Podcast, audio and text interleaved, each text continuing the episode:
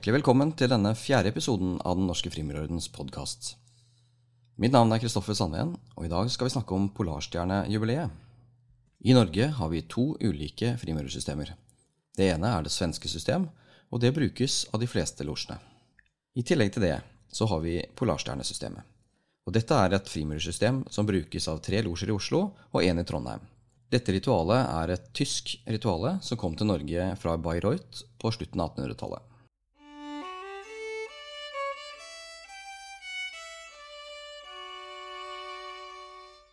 Med meg nå så har jeg Frank Sæther, som er delegert mester i Forskningslosjen. Og i Forskningslosjen så er det et spesielt fokus i år, 2020. Eh, og det er eh, etableringen av storlosjen Polarstjernen og eh, St. Johanneslosjen Håkon til de tre lys for 100 år siden. Ja, det er jo en fin anledning. Alle jubileer kan, kan brukes til noe fornuftig. Og i årene så er vi gode på å feire de runde tall. Og det passet seg sånn i år eh, at det var eh, dette som kunne bli fokusområdet. Vi har i en god, god stund jobbet en del med forskning på opprinnelsen til polarstjernefrimureri i Norge. Eh, og for så vidt også ritualutviklingen til polarstjernelosjene. Og da har vi i år bestemt at vi har et symposium som skal foregå 9. og 10. oktober i Stamhuset. Eh, og da er temaet humanistisk frimureri. Altså frimureri i mer den klassiske tregradsvarianten som man har utenfor uh, losjene i Norden. Uh, og Fokuset vil også da være på Storlosjen på Larstjernen, som ble opprettet i 1920, og var da en, en overbygning over de tre polarstjernelosjene som til da eksisterte i Norge og som jobbet under en provinsialstorlosje eh, kalt Polarstjernen. Og denne provinsialstorlosjen, Polarstjernen den eh, lå jo under eh, den tyske storlosjen Syr Sonne. Um, så, så, med dette grepet så fikk man jo da gjort seg selv uavhengig av den tyske storlosjen og ble en selvstendig uh, storlosje. Noe som medførte at vi hadde to eh, storlosjer i Norge, Den norske frimurorden og storlosjen Polarstjernen. Og, og, i samme år så kom også den, da, den fjerde eh, losjen som arbeidet etter polarstjerneritualet i Norge, Sankt Johannes-losjen Håkon til de tre lys. Um, og dette er et uh, verdi, jubileum som er verdt å, å, fokusere og feire litt. For det um, Polarstjernelosjen og deres ritualer er jo et um, Eh, en unik mulighet til å se et litt annerledes rituale eh, i Norge enn det vi er vant til, altså det svenske system. Frimurerfaunaen i Norge er ganske marginal hvis man sammenligner med, med andre land, hvor det finnes en mengde forskjellige systemer eh, og ritualer. og Derfor så er det jo viktig å kanskje hegne om den lille annerledesheten som vi fortsatt har i Norge. Det er kanskje ikke alle som vet det at Sankt Johanneslosjen Håkon til det tre lys eh, ikke hadde fått navnet sitt da den eh, ble etablert. Nei, og det, det, det var flere navneforslag som var ute og gikk der. Eh, Håkon til den gode tror jeg var et av alternativene. Det var en komité som, som jobbet, og dette står det beskrevet litt i jubileumsboken til Håkon til de tre lys, som de endte med å ha som navn til slutt. Men det tok litt tid før de fikk på plass, uh, fikk på plass det. Og det var jo nettopp det at uh, det kom en fjerde uh, Johannes-losje som jobbet etter Polarstjerneritualet, som gjorde at man fikk muligheten til å etablere seg som en storlosje. Da var man på en måte store nok til at eh, moderstorlosjen i Tyskland aksepterte at man frigjorde seg. Og det var nok også spesielt viktig etter uh, i 1920. Det var kun to år siden. Eller kanskje rett i overkant av ett år siden første verdenskrig var, var over. Og det var nok ikke så lett å være så direkte knyttet til en tysk uh, storlosje som det hadde vært i årene før den første verdenskrigen. Så jeg tror dette var en, et godt tidspunkt for de å, å frigjøre seg på. Ja, Det er jo interessant det du sier om det universelle frimeri. fordi vi, en, um, vi kaller jo nettopp uh, kanskje Polarstjernelosjene for uh, de som er litt annerledes. Men hvis vi ser på verdensbasis, så er det jo vi med det svenske system som er annerledes. Det er vi som skiller oss ut ved at vi har et krav om tilslutning til den kristne tro. Og det finnes jo ikke andre steder i verden.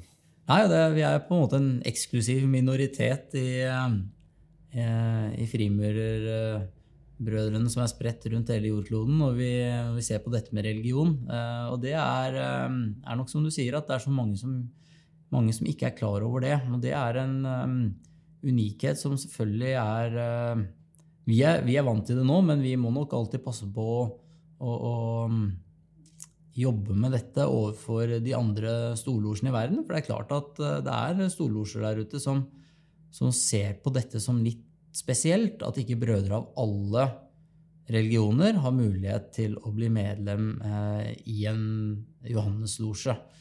Eh, hvor nettopp målet er at man skal forene brødre av alle folkeslag og av alle stender. Hvis vi ser til Danmark i dag, da, så er det jo sånn at um, der har de jo tregradssystem, altså universelt system, lauget bl.a. Der ser vi jo det at uh, det er flere som er medlem i det systemet, uh, har tredjegrad der når de er på møtene. Og så går de med tiendegradsbrytelse, f.eks. hvis de har tiendegrad i det svenske system, når de er i det svenske systems losjer. Så der har de jo begge deler. Ja, Man kunne kanskje hatt det i Norge òg. Og litt sånn hadde man det til å begynne med. For Polarstjernelosjen i Oslo de holdt jo til i, i gamle rådhus. Eh, det er ikke så langt fra stamhuset i, i antall meter. Det tar noen få minutter å gå, men det var nok en, en stor forskjell mentalt og, og, og, stemningsmessig.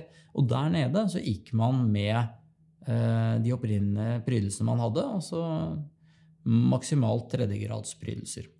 Um, og så flyttet man inn i, i stamhuset i Nedre Vollgate i 1961, og da tror jeg ting ble veldig endret. Hvis man hadde fortsatt med å holde, ha to tilholdssteder, så kan det nok godt være at man i mye lengre grad kunne holdt på de forskjellene, og kanskje man også hadde fått den impulsen fra Danmark. Um, for det er klart at uh, i Norge så valgte man en total uh, sammenslåing, mens i Danmark så har man valgt en litt annen tilnærming. Ja, Frank, for dette med ritualendringer i polarstjernesystemet, det er jo spennende. Kanskje du kan eh, si litt mer om, eh, om hvordan det har foregått? Ja, det, det, er et veldig spennende tema. og det er klart eh, Ritualendringene har pågått egentlig helt nesten fra dag én. Da. Eh, situasjonen var jo den at når man dannet den første polarstjernelosjen eh, St. Olav til Gjenreise tempel i, i Trondheim i 1882, så var jo det en losje som da besto av brødre som utelukkende var opptatt i Leoparden eller i utenlandske losjer. Og alle var medlem av Broderforeningen eh, i Trondheim, som lå under Leoparden. Eh, så det betydde at når de startet sin losje med et ritual som var annerledes, så savnet de elementer. Uten at vi skal gå inn på de rituelle elementene her, så, så var det helt klart store vesensforskjeller mellom systemene, og det, og det savnet de. Og så var det en sånn unikhet i eh, forfatningen Eh, til de polarstjernelosjene som gjorde at man hadde mulighet til å legge til ting til ritualet om man skulle ønske det. Det var ett krav, og det var at man brukte Storlosjen Syrsonnes opprinnelige ritual én gang i året. Bortsett fra det så hadde man ganske stor ritualfrihet. Dette gjorde at man eh, på 1880-tallet begynte å få inn de første endringene. Og I Trondheim så kalte man dette ritualet det trondhjemske ritual. Altså en hybrid mellom det svenske systemet og polarstjernesystemet. Så kom eh, neste losj i Oslo, Olav Kyrre, i 1884. og Der var man nok litt mer restriktive. Ønsket å være litt mer på linje med Storlosjen Sysone sitt ritual, men, men, gjorde noen justeringer. Og Sånn sett så hadde man, selv innen de polarstjernelosjene som eksisterte, ritualavvik. Og Det var jo de første store endringene. Var jo også de som skjedde fra 1882 til la oss si 1900, eh, så var det nok eh, ganske eh, likt fram til 1937. Da ser vi at det skjedde en del endringer, for vi har ritualene. Og spesielt i tredje grad så, så skjedde det en tilnærming til det svenske system som vi nødvendigvis ikke helt har klart for oss ennå hvorfor skjedde da. Og så skjedde den kanskje store endringen, eh, spesielt i tredje grad, men også delvis i første grad, Eh, i 1946-1947, når man slo seg sammen med Den norske frimurorden.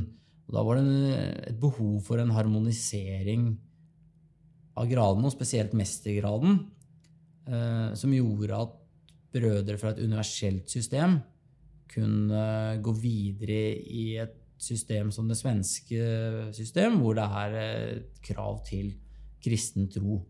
Eh, så dette, dette var liksom noen av disse tingene som Noen av de hovedendringene i ritualet har skjedd i disse periodene. Noen uh, brødre i Polarstjernelosjene valgte å bli stående i tredje grad, har jeg forstått? Ja, det var en del brødre som ble stående som det som ble kalt mestermurere. Altså, det var jo tre grader, og, og når du hadde tredje grad, så var du mestermurer. Og det var en god del brødre som, som ikke tok og gikk videre i høygradene. Og for noen så var jo sammenslåingen med Norske Frimurorden eh, en skuffende opplevelse. For noen så tror jeg man kan gå så langt og si at de opplevde det som et svik til det de hadde meldt seg inn i. Andre valgte å fortsette som medlem, men ønsket ikke å gå videre i høygradene. For alle de som hadde litt kortere fartstid når sammenslåingen skjedde, og alle de som ble opptatt etter 1947, så tror jeg ikke det var noe tvil. De ønsket å få det fulle og hele utbyttet som eh, Den norske frimurorden da hadde å by på. Eh, men for en del av de eldre brødrene som hadde vært med i lang tid, og kanskje vært med i den perioden hvor forholdene mellom de to storlosjene hadde vært ganske dårlige, så var det nok en utenkelig tanke å gå videre i høygradene. Kan du si litt om hva slags temaer som skal tas opp i løpet av jubileumsåret? Ja, vi skulle hatt et møte i, i Håkon 9. Eh, som dessverre ble utsatt, som, som all annen frimurvirksomhet. Eh, og der skulle vi, eh, Forskningsstorsen sammen med Håkon til de tre lyst, fremføre den originale lærlingegraden, altså førstegraden, til Polarstjernelosjene. Dette er jo et rituale som vi vet ble fremført i Sankt Johannes Olsen Olav Kyrre til Gylne kjede i ca. to år. Fra 1884 til 1886. Og bortsett fra det så har ritualet vært utsatt for ganske store eh, endringer. Eh, påvirket av eh, det svenske system. Eh, og det er eh, derfor vi ønsket å sette opp dette. Så det, det, skal vi prøve å få til på nytt igjen til høsten, når vi eh, forhåpentligvis har kommet i gang med losjeaktiviteten. På symposiet som vi skal ha, så vil det være flere temaer. Vi vil bl.a. Uh, snakke om ritualutviklingen i lærlingegraden. Vi vil uh, snakke om opprinnelsen til polarstjerneritualet før det kom til Norge. Altså hvordan var den ritualutviklingen til dette systemet? Sammenligne det med f.eks. ritualutviklingen til det svenske system. Uh, og her vet vi ganske mye om hertug Karl og hva han har gjort for det svenske system, men jeg tror nok ikke det er så godt kjent opprinnelsen til polarstjerneritualet før 1880, eh, da, når det kom til Norge. Så skal eh, vi også ha et foredrag som, hvor vi har forsket litt på eh, brødre som var medlem av Polarstjernelosjen, som hadde en annen religiøs tro enn den kristne. For det var jo nettopp den muligheten man hadde i det universelle frimurersystemet som man har i dag i alle losjer som arbeider etter universelle system utenfor Norden. Og det hadde man også den gangen. Og vi vet at det bl.a. var jøder som var medlem av Polarstjernelosjene. Så her um, har vi et spennende foredrag uh, uh, på gang. Så det er bare noen av smakebitene på, på, det som kommer til å komme. Vi skal også ha et musikkinnslag hvor uh, Forskningslosjens eh, kantor Tor Scott Hansen jobber med eh, å sette opp et konsert hvor vi skal fremføre polarstjernemusikk fra eh, perioden fra 1882 til 1920. Da.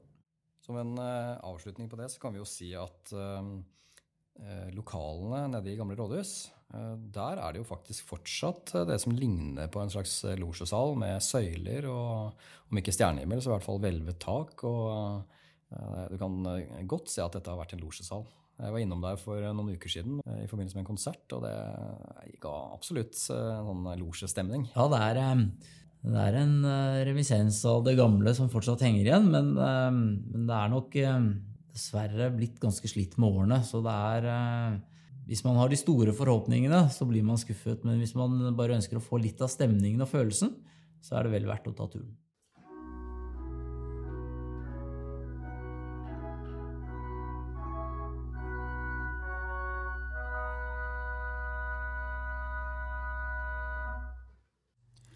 Jeg tok også en prat med ordførende mester i St. Johanneslosjen Håkon TD3 Lys, Tom Skjerven, og ordførende mester i St. Johanneslosjen Olav Kyrre, Joel Joelsen, om hvorfor det er viktig å markere dette jubileumsåret for Polarstjernelosjene.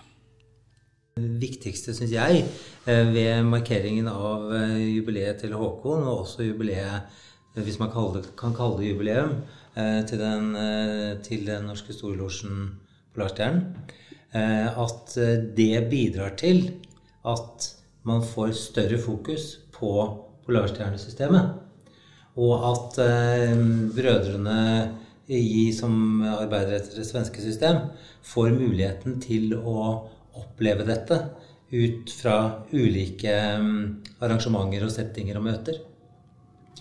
Og, og vårt program, eh, jubileumsprogram, har jo eh, fokus på akkurat det.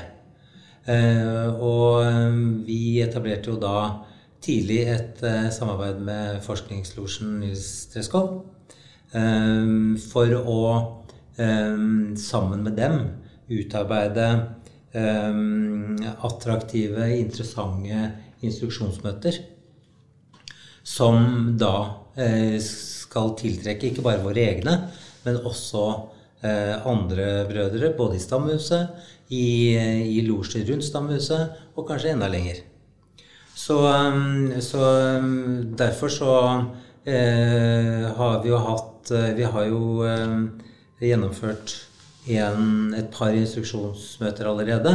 Men eh, det største, og det som var knyttet størst interesse rundt, det var jo ritualskuespillet fra, med det originale eh, ritualet, førstegradsritualet, som vi skulle hatt før, eh, før det stengte. Så jeg kan jo trøste alle som lurer på eh, hvordan det går med det, og at det blir satt opp igjen ved første anledning. Og, og, det er klart det at Storlosjen Polarstjernen ble etablert, eh, det hjalp oss selvsagt mye på veien til å få bli en del av eh, Den norske frimurorden. Eh, og det føler jo vi Polarstjernebrødre på i dag er en stor glede. Og at vi har fått lov til å, å fått arbeide under den store norske landslosjen.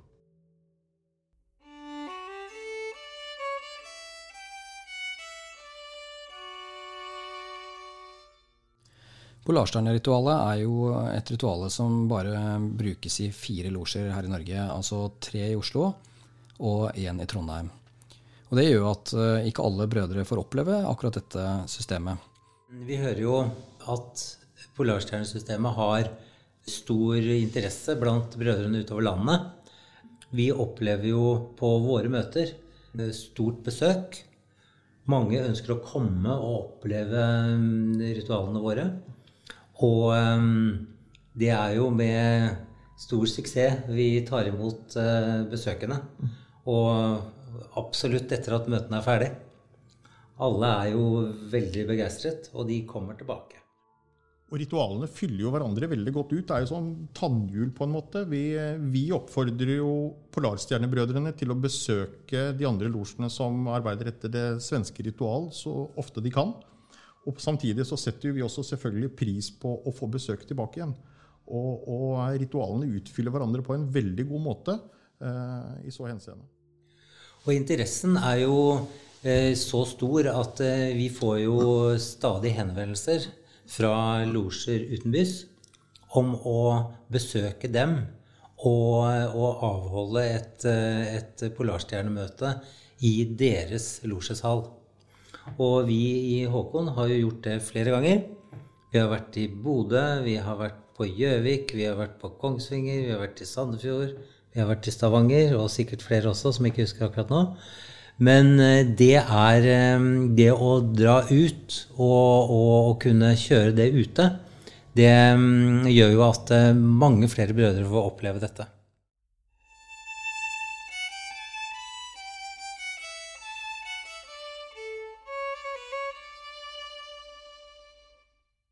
Ja, Tom, Det er kanskje ikke alle brødre som er klar over at det finnes et eget tilsynsutvalg for Polarstjernerosjene. Kan du si litt mer om hva de holder på med?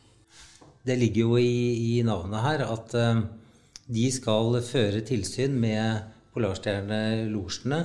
Og de skal uh, prøve å sørge for uh, godt samarbeid mellom de fire losjene. samarbeid felles, felles beste.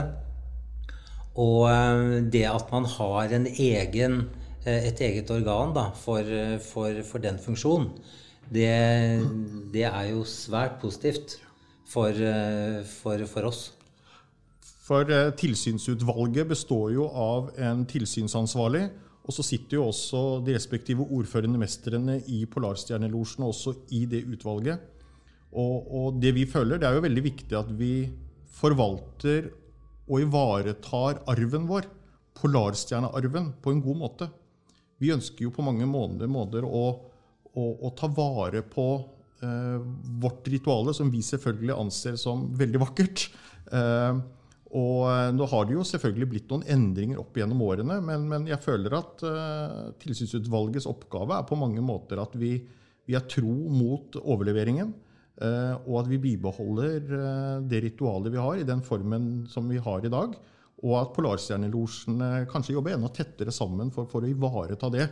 Sånn at ikke ritualet og, og, utførelsen av ritualet på mange måter eh, sklir litt ut. Joel, vi kan jo ikke gå inn på de rituelle forskjellene mellom det svenske system og polarstjerneritualet. Men du kan kanskje nevne noe annet dere legger stor vekt på i Polarstjernelosjene? Musikk er jo veldig viktig i polarstjerneritualet.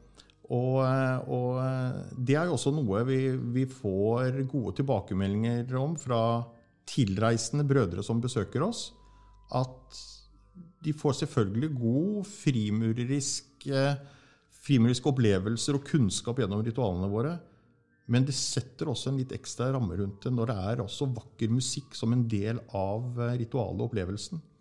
Og, og, det har vært veldig viktig å, å, å ta godt vare på også. Eh, det, det, musikalske. Og når det gjelder, Apropos det å, å, bevare og forsvare. Når det gjelder musikken, jeg er helt enig med deg. Eh, det er, eh, der har det også skjedd en utvikling så lenge jeg har vært med. Nå har jeg vært, vært med i 25 år. Og, og, vi hadde på flere møter måtte vi spille CD for å, for å, bevare, for å ha musikken. Og det er veldig mange år siden vi spilte en CD. Så vi har levende musikk på hvert eneste møte. Og det er eh, Jeg føler at eh, de som har ansvaret der, gjør en veldig god jobb med å for det første eh, skaffe musikk på hvert møte. Og de er også veldig flinke til å få inn flere instrumenter. Og de er flinke til å variere. Og det er veldig viktig, syns jeg, for, for oss som går ofte at, eh, at det blir en viss variasjon.